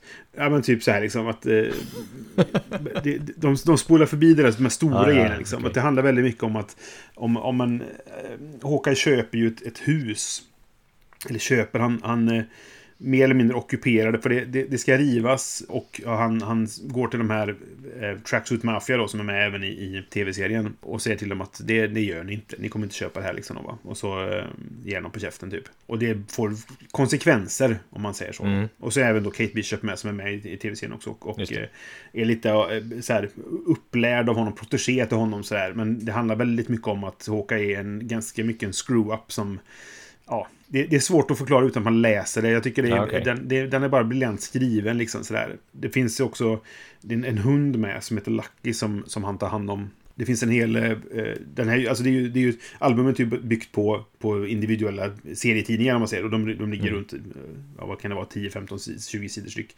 Och en, en helt nummer av den här eh, är bara Lucky. Och han, hur han upplever saker. Mm. Okej. Med, med ikoner och symboler istället Ja, för ja, ord. Liksom, så här. Och så är det, när pratbubblan är det som skrudd, skrudd, skrudd, skrudd. Och så är det enstaka ord. Avengers, skrudd, skrudd, skrudd. Dangerous, skrudd, skrudd, skrudd. Och så bara, ah, okej. Och, så, vad, vad, och sen så får man då se vad det här... Alltså från andra änden också då. Ja, ja, samma förstår. händelse då, vad, vad det var som hände och så vidare. Det är bara, det är bara så smart skrivet liksom sådär. Har de tagit med det till eh, tv-serien? Nej, tyvärr. Ja. Jag, Ja, jag satt nästan och väntade på att det skulle komma ett, ett pizzadog-avsnitt, men det gjorde det inte. Eh, tyvärr då, om man spoilers för den som inte sett tv-serien. Men den tv-serien är också väl värd att se. Det kan vara så extra, eh, inte speltips, tips. Se den också, för jag tycker nästan att det är den bästa Disney Plus Marvel-serien hittills. Kanske för att jag gillar Hawkeye så mycket. Han, han har varit en favorit. Inte MCU Hawkeye kanske nödvändigtvis då, men, men, men Hawkeye överlag eh, Mm. har varit en favorit från när jag var liten egentligen. Och jag, jag gillar att det är det här lågmälda, inte svulstigt, liksom jättegrejer, utan det är ett, en, ett album så är han bara och, och hjälper sin granne, alltså en som bor i hans hus nu då, att hjälpa han, han, han det ska vara en stor storm så de åker ut till hans pappa som bor ute i förorten och, och ska t- bära upp saker från källan så det inte ska bli översvämning. That's it. Okej. Det, det, det är det det handlar om. Liksom. Jag, jag, jag gillar det där. Liksom. Mm. Det är så mänskligt på något sätt. Så att jag kan verkligen eh, rekommendera den. My Life as a Weapon heter den ju lite eh, heter första boken tror jag. Så ibland kan man hitta den om man söker på det också. Men jag tror den heter The Saga of Barton and Bishop. Aha, Om man okej. ska söka på den. Av Cool. Matt Fraction. Nej, för det har väl varit lite min grej med Hawkeye så här. Man tänker så här, super, ja, men superhjältar då, då så tänker man Spindelmannen, han kan klä, klättra Vad gör han där? Vad kan han Ja, egentligen? precis. Vad kan Hawkeye? Jo, han kan Ja. sikta med en båge ganska bra, men liksom vad kan han Ja. i övrigt? Liksom, hur håller han sig vid liv i allmänhet i striderna liksom? Och vad gör Ja. han annars liksom? Och så har han den här jävla masken med de här stora flärparna på. Som, eh, Ja, det har han ju inte här då som tur är. Nej, precis. Som jag kanske inte tyckte är sådär, alltså han ser ganska fånig ut i förhållande till vad han kan göra. Alltså det, Mhm. på ytan har inte förpackningen fått mig att köpa spelet om vi säger så. Nej, men jag, jag, Och det är ju jag så jag förstår funkar. Eh, Så att, eh, Ja. men, men eh, nu när du pratar om det så, här så känner jag okej, här finns ju en, en lure som man inte kanske ser direkt liksom. Man har hans, liksom, hur han kämpar med att vara så. Men sen har han väl lite typ så alkoholproblem och grejer också? Eller är han är lite Ja, det är kanske Tony Stark du tänker på. Men, men äh, han, han, han åker på jättemycket stryk i den här. Alltså för att han, han tål ju inte Precis, nej, det som de flesta andra tål. Liksom. Han kan bara skjuta med pilar och så här. Och det, ja, eh, han, I den här serietidningen så blir han ju döv. Och det är kanske en del av hans kedja. Och det är han, i, det är han även i tv-serien. Tv-serien, så den, är, den är löst baserad på serien. Men väl, den känns, det har samma det här att det är mänskliga i det på något sätt. Att det, det är Mm. väldigt lågmält. Det, det är stora grejer som händer där också. Vissa av actionsekvenserna är helt briljanta tycker jag. Men, men just det här att, att det fortfarande är liksom ganska små problem som han måste lösa liksom. Och, men som är stora för honom och för Kate Bishop då för att de är bara människor med en pilbåge liksom. Mm, Och precis. de tar sig vatten över huvudet så här, ganska ofta då. Så hon är också bara en människa med en pilbåge? Ja. Hon är nog nästan mer bara en människa med pilbåge än vad han är. För att han brukar oftast beskrivas som att han har så här perfect aim och du vet han kan vad som helst i hans händer blir ett dödligt vapen. Liksom, och sådär. Eh, vilket i, när Hawkeye i eh, Ultimate-serien är verkligen en favorit. Men där är, det. han, där är verkligen så här, där, där dödar han ju folk med sina naglar. För att de tog hans vapen ifrån honom så han bara ryckte ut sina egna naglar och, och flippade iväg dem på i folk. Så. Det, det blir nästan löjligt så. Men, men så, ja, det, jag, jag gillar det. Både serietidningen och, och eh, tv-serien. Väl värd att, att ta en titt på. Ja, det, ska jag, det, det låter som att jag ska börja med serietidningen faktiskt. Det känns lite enklare att konsumera på något sätt. Ja, men jo, precis. Det går ju att läsa på, på Marvel eh, eh. Unlimited ifall man Ja. har den tjänsten. Nu har jag tagit mig frihet igen, Brisse. Mhm. För mitt inte ett speltips är ett spel. Ja, Men det är ett dataspel. men inte ett brädspel då. Nej, antar jag. exakt, precis. Mm. Det är ett spel som heter, det här vi pratade om du och jag, eh, offline så att säga, men det heter Return of the Obra Dinn. Just det. Och det är ju allt annat än obra. alltså, Ja. det är ett, alltså, grafiken är som en slags retro-grafik till typ så här 80-talets monokroma skärmar. Och man kan faktiskt Ja. ställa in i spelet vilken typ av monokroma skärm man vill ha. Man vill ha en gammal Mac eller en Commodore 128 eller en liksom så här. Det har jag faktiskt IBM. missat, men ja, fan vad roligt. Och, och, det är och så till synes är det, ser det ut som en sån här, um, här statiska bilder liksom. Som man ska, men man kan verkligen gå runt i den här världen också. Eh, Så att det, det är en 3D-värld som är modellerad på Mm. det här sättet. Och man, jag, jag kan tänka mig att den grafiska utformningen kan skrämma bort folk. För att Ja, man liksom inte känner igen det och ser, det ser för jävligt ut. Mm. Och det finns ju faktiskt en anledning till att det ser för jävligt ut. Men eh, det, det, det kommer jag till lite längre om. Men man, man är alltså en försäkringsagent som får i uppdrag att ta reda på vad som har hänt ett skepp, en ostindiefarare. Det har, året är 1807 och den här har man hittat då drivandes på, på Atlanten. Och det finns liksom ingenting på den. Den har kommit tillbaka och ingen Precis. var ombord. Det var, liksom. det var Ja. 60 pers på den eh, enligt besättningsloggen. Eh, och när den kommer tillbaka finns det ingenting ombord utom typ ett lik. Eh, Eller ett, en samling ben liksom. Och så ska man ta sig ut till det där skeppet och gå runt på det och försöka förstå vad det är som har hänt med det liksom. Och till sin hjälp har man en typ magisk klocka. Jaha, just det. Och det är typ det enda man får. Man får ett, en mystisk låda som är typ så här. Här har den här klockan. Den här kan du eh, liksom ta reda på vad som har hänt ett lik med. Så här, Jaha, Mhm. och så, säger man, så går man runt där liksom så här. Okej, jag hittar ett lik. Jag använder väl klockan då. Alltså det här har man fått av någon som man inte överhuvudtaget vet vem det är. Eh, Men det, det visar sig ju senare. Och så Ja. använder man den här klockan och då hittar man ett lik. Och så när man använder den på liket då får man se en scen från skeppet. Tillbaka i tiden någonstans. Liksom. Så man kan gå runt. Den är frusen i den här stilistiska eh, liksom eh, grafiken. eh. Och så man går runt så kan man titta på olika detaljer och de män, människorna som är med i scenen. Och vad det går ut på sen är att man ska ta reda på exakt vad som har hänt med varje enskild besättningsmedlem genom att spåra de här scenerna. Så i en scen så hittar man ett annat lik där man kan använda klockan och så vidare och så vidare. Så går man liksom nystar upp olika scener som bidrar till mysteriet. Mm. Och det var så jäkla kul att bara köra igenom det spelet alltså. För man får försöka sitta där med massa ledtrådar och försöka leta så här, okej, här Ja. ligger någon och sover. Vem kan det vara som ligger och sover här? För den här personen har ju en tatuering. Ja, ah, okej. Då var den personen här, där. Och jag, om jag går tillbaka den här scenen så var det kanske en person med en tatuering. Vad gjorde den då? Så man, ja, den, den levde vid det tillfället. Alltså, så här så håller man på och försöker pussla Mm. ihop exakt vad som hände. Det är det. jätteroligt. Jag har inte, inte sett något liknande alltså. Nej, det är ganska unikt det är det. Och det är så här, du, du har ju... Du hamnar i en scen kan man säga där du kan gå runt i den och titta runt sådär. Men du, du kan inte få information som inte fanns från den som vars kropp det är du just nu tittar igenom om man säger så. Så att, har de inte sett ansikte på någon så kan du inte gå runt och se ansiktet på Nej, personen. utan exakt, då är det precis. blankt. Liksom så här, så att, Det är, det är eh, blurrat. Ja, Ja, precis. Man, man får liksom, som du säger, pussla ihop informationen som man får från olika ställen. För att, för att försöka få helhetsbilden då liksom. exakt. Och då ska man ta reda på alltså vem, vad som hände varje person. Om de dog eller om de lever. Och om de dog, hur de dog. Just det. Och så löses det upp, när man har fått tre rätt, då bekräftar spelet liksom att okej, nu har du tre rätt. Och så får, Mm. då måste man hitta tre, näst, tre, tre nya liksom för att kunna få nästa progress. Så att säga. Så att, nej, jättebra spel, jättebra, det måste ni spela. Ja, Jag, jag spelade, det var ett tag sedan jag spelade nu och jag gjorde ett misstag för att jag hade alltså, ganska mycket information som jag inte hade liksom faktiskt tagit ett beslut på att, och låst in om man säger så. Så, här, det här, så här är det enligt mig då. Och sen kom jag till ett läge där det var typ så här, ja, jag, jag trodde att jag kunde lämna båten och komma tillbaka. Men det, det. det kunde man alltså inte. Det kan vara ett tips då om man spelade så här att, att får du möjligheten att så här, nu kan du lämna båten så, så då, du behöver ha gjort klart det Ja, före precis. dess så att säga. Då. Se till att du Så har... Därför så har jag inte gått tillbaka. Jag skulle vilja spela igen. Men jag, jag ville ge det ett tag och kanske hinna glömma Hinna lite. glömma så lite, och, mm. och, ja, så att jag, jag, det ligger på min så här, jag tänker spela det igen någon gång. För jag tyckte det var en väldigt kul upplevelse när jag spelade. Mm. Ja, jag hade väldigt roligt med det. Så att, eh, Mm. ja. Ett, inte ett Bra speltips tips. som var ett spel. Som ett spel. Inte ett brädspels speltipset. Ja. Just Toppen. Vi går till vår sista programpunkt. Yes. Pip, pop, pop, pop. Ja, ja, förlåt.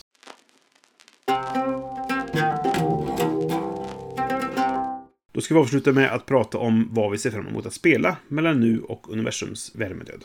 Vill du börja Johan? Ja, jag kan börja. Eh, Jag har fått upp ögonen för ett spel som eh, många andra har fått upp ögonen för. Och Okej. det heter Ark Nova. Det här är faktiskt jättekul, för vi har inte synkat detta. Och vet du vad jag ser fram emot att spela? Jag måste ju tro att det är Ark Nova då. Det är Ark Nova. Ja, vad bra. Precis. Så vi har Kul. båda toppspel från, samma toppspel från, från eh, 2021 och samma span. Precis. Vad kul! Ja, nej men vem vill inte bygga ett modernt zoo? Jag, jag tycker ju inte att, eh, alltså så här... Temat lockade mig inte jättemycket. In, för jag såg det här inför resten, så var ju detta med på pre- preview-listan och så här. Och jag såg, tyckte inte det såg så spännande ut. Det var dessutom foton istället för illustrationer, Ja. vilket jag inte alltid går igång på. Ja, Så jag, jag skippade detta då. ja, samma här. Det ser väldigt Terraforming Marsigt ut. Ja, och många har jämfört det med Terraforming Mars. Är spelmekaniskt också, eller? Ja, precis. Jag såg Josef Niramas, hans YouTube-kanal. Ja, Jag såg han spela eh, både en... om man spelar solo eller om man såg när han spelade tvåhandat. Jag kommer inte ihåg riktigt vilket det var. Och han, han sa så här, jag, jag ser inte riktigt likheten. Jag kan se den på ytan. Mm. I att det är kortdrivet och du har massa unika kort och du har... Du ska hitta ikoner och sådana saker. ut. Eh, Så att jag, jag, jag kan förstå att folk gör liknelsen då. Men han tyckte inte det var så likt egentligen då. okej. Men det var lite grann han- hans genomgång och lite grann att det då har, har flera personer har liksom höjt det här som att det här är årets bästa spel eller ett av de bästa spelen i år. Ja, jag har också hört mycket av det och sen har jag en, en, Mm. en kompis som har det och spelat det solo och han tyckte det var jättebra och vill då ordna ett, ett parti nu då som förmodligen Mm.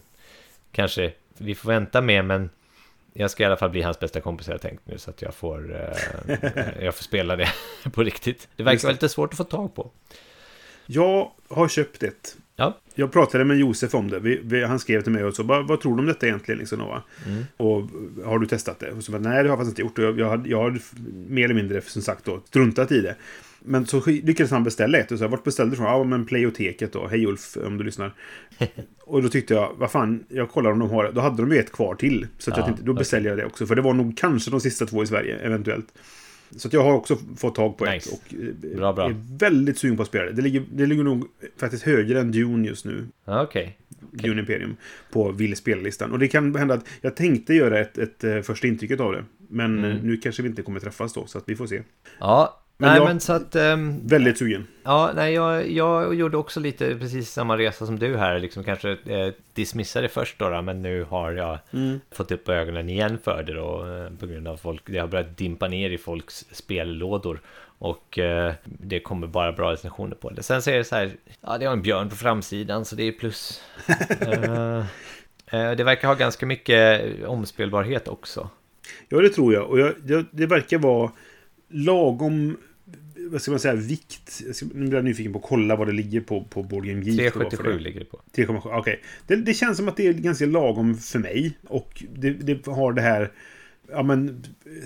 En sak... Motorbyggandet, en sak leder till en annan. Du får kombosar och du, jag kan göra detta som leder till detta och så vidare. Och det som Mm, jag gillar med. Terraforming Mars känns som att det kanske finns liknande saker här. Eftersom folk jämför det. Så att jag vet inte hur, hur mycket- det stämmer då. Men jag, ja, jag får lite samma vibbar. Men, men kanske ett tema som också är lite kul. Det, jag gillar ändå djurgrejen. Ja, precis. Så Jag-. Det, var, det var väl mest att så här djurpark, bla bla, har inte det gjorts förut, kände jag. Plus massa foton då. Men, Ja men eh, exakt, jag kände exakt så också. Liksom, så här, djurpark har inte det gjorts förut, men, men det känns ju som att det är liksom en, en helt annan dimension till det till, än till exempel Bärenpark och, och New York Zoo. Ja, och det, känns som att de har ändå... Det finns en, en tanke bakom att det här handlar om att... Om, eh, vad säger man på svenska? Men, men con- conservation, alltså att det handlar om att, att eh, ta hand om djuren och att, att återplantera dem ute i... vä- Alltså... I verkligheten. Låter löjligt, men ja, typ så. Att det handlar inte bara om att Mm. driva en djurpark. Utan det, det är lite grann att ta hand om djuren och, och, och ha det som sitt huvudsyfte kanske. Och det gillar jag för att det. Just Det, är lite problematiskt kanske med, med djurparker annars sådär överlag då. Så därför så tycker jag det är bra. Och det var väldigt kul för jag läste regelboken häromdagen. Och eh, apropå Bäron Park då, där de så här, alla, alla tycker att koalan är inte en, en björn, varför är den med här? I, I björnspelet. Och i regelboken till Ark Nova står det att vi försöker vara så nära verkligheten som möjligt, men på grund av vissa speltekniska detaljer så har vi varit tvungna att vända på saker. Till exempel att koalan är en björn i det här spelet, fast den inte är det egentligen. och det var någon mer detalj så här, som var typ att vi, vi har tummat lite på detaljerna mest för att det skulle bli spelmekaniskt sunt då. Så där. Men, eh, men de nämner det ändå, och det tycker jag är lite roligt. Ja, nej men... Nej, så, eh, ja, vad kul att vi Ja, helt, helt osynkat hade samma. Det är nästan vi får spela det tillsammans om vi kan. Ja, finns det på någon eh, plattform så spelar jag det jättegärna med Jag har dig. inte kollat. Mm. Men eh, det, det är ju värt att Men det, det kollar vi, för Ja. det hade varit kul faktiskt att spela tillsammans. Då ser vi fram emot att spela Ark Nova vid Mm. eh, första bästa tillfälle. Exakt. Det är det enda typen av eh, löfte man kan göra nu för tiden. Lite så, eller hur? Okej, vi Mm. har pratat lite grann om, om spelåret 2021. Vi hoppas att kanske att spelåret 2022 blir bättre. Vi får se hur det blir med det. Spel, alltså utgivningsmässigt så tycker jag inte det har varit ett dåligt år. Det är mer att vi har inte lyckats spela och träffas som kanske har varit dåligt då. Ja, precis. Vi, vi säger så. Men det kanske är så här, resten av... Rest, det kan vara så nu att resten av de spelen vi spelar som är utgivningsår 2021 suger. Ja, då får vi äta upp det här. Eller är Men, eh, bättre och skulle ersätta den här listan helt. Ja, det kan ju vara precis. åt båda hållen. Eller så, ja. Så man får ju ta den för vad det är. Så är det. Och känner du, kära lyssnare, att du eh, har en egen lista eller har någonting du vill tillägga eller säga rätta till fel när vi pratar om containerkrisen i Kina. Det kanske just var helt galet där. Så hör jättegärna av er och, och rätta eller kom med förslag eller, eller tankar. Vi finns ju på brisse.spelare.se eller johan.spelare.se om man vill mejla oss. Ni kan även kommentera på avsnittets eh, där vi släpper det på Facebook eller på hemsidan då. Vi heter ju Spelradio överallt utom på Spotify. Det vet vem sur är. Just det. Så där hittar ni oss och eh, vi vill jättegärna ha tankar och förslag och eh, funderingar från er. Och så här ska vi också tillägga att numera finns det en funktion på Spotify att man kan ranka en podcast. Och det, det kan man göra med vår podcast. Man kan jättegärna ge den en femma också för det kommer hjälpa oss eh, dyka upp lite överallt. Men man kan också ge det precis vad vi förtjänar. Ja, precis. Eh, gör gärna det. Det är kul för oss att, att, att se vad ni tycker. Ja, nej, men jättegärna. Det, var, det är bara roligt. Och jag, det, jag tänkte jag skulle ta upp det här i början, inser jag nu, men så glömde jag bort det. För att vi har ju haft, eh, vissa lyssnare har hört av sig och haft lite problem med det här med, med att vi blandar första intrycket och mellan turerna och det är förvirrande vad som är vad, för de har så olika eh, nummer i vilken del det är. Eftersom Ja. vi har kommit my- mycket längre på första intrycket. Och vi, vi beklagar det, men det är lite grann för vi, vi, har, vi ser det som att det är ett, ett träd. Och vi är olika grenar på samma träd kanske. Men stammen är samma liksom. Ja, precis. Stammen är egentligen du, Brisse. Ja, det är det väl kanske. Ja, precis. Jag är den gemensamma nämnaren för de två. de två poddarna. Sådär. Men, men, eh, men det, det, eh, jag hoppas att det inte ska vara allt för förvirrande. Heter det första intrycket så är det att vi spelar ett spel för första gången. Och är det mellan turerna så är det jag och Johan. Och kanske en gäst som snackar skit i Ja.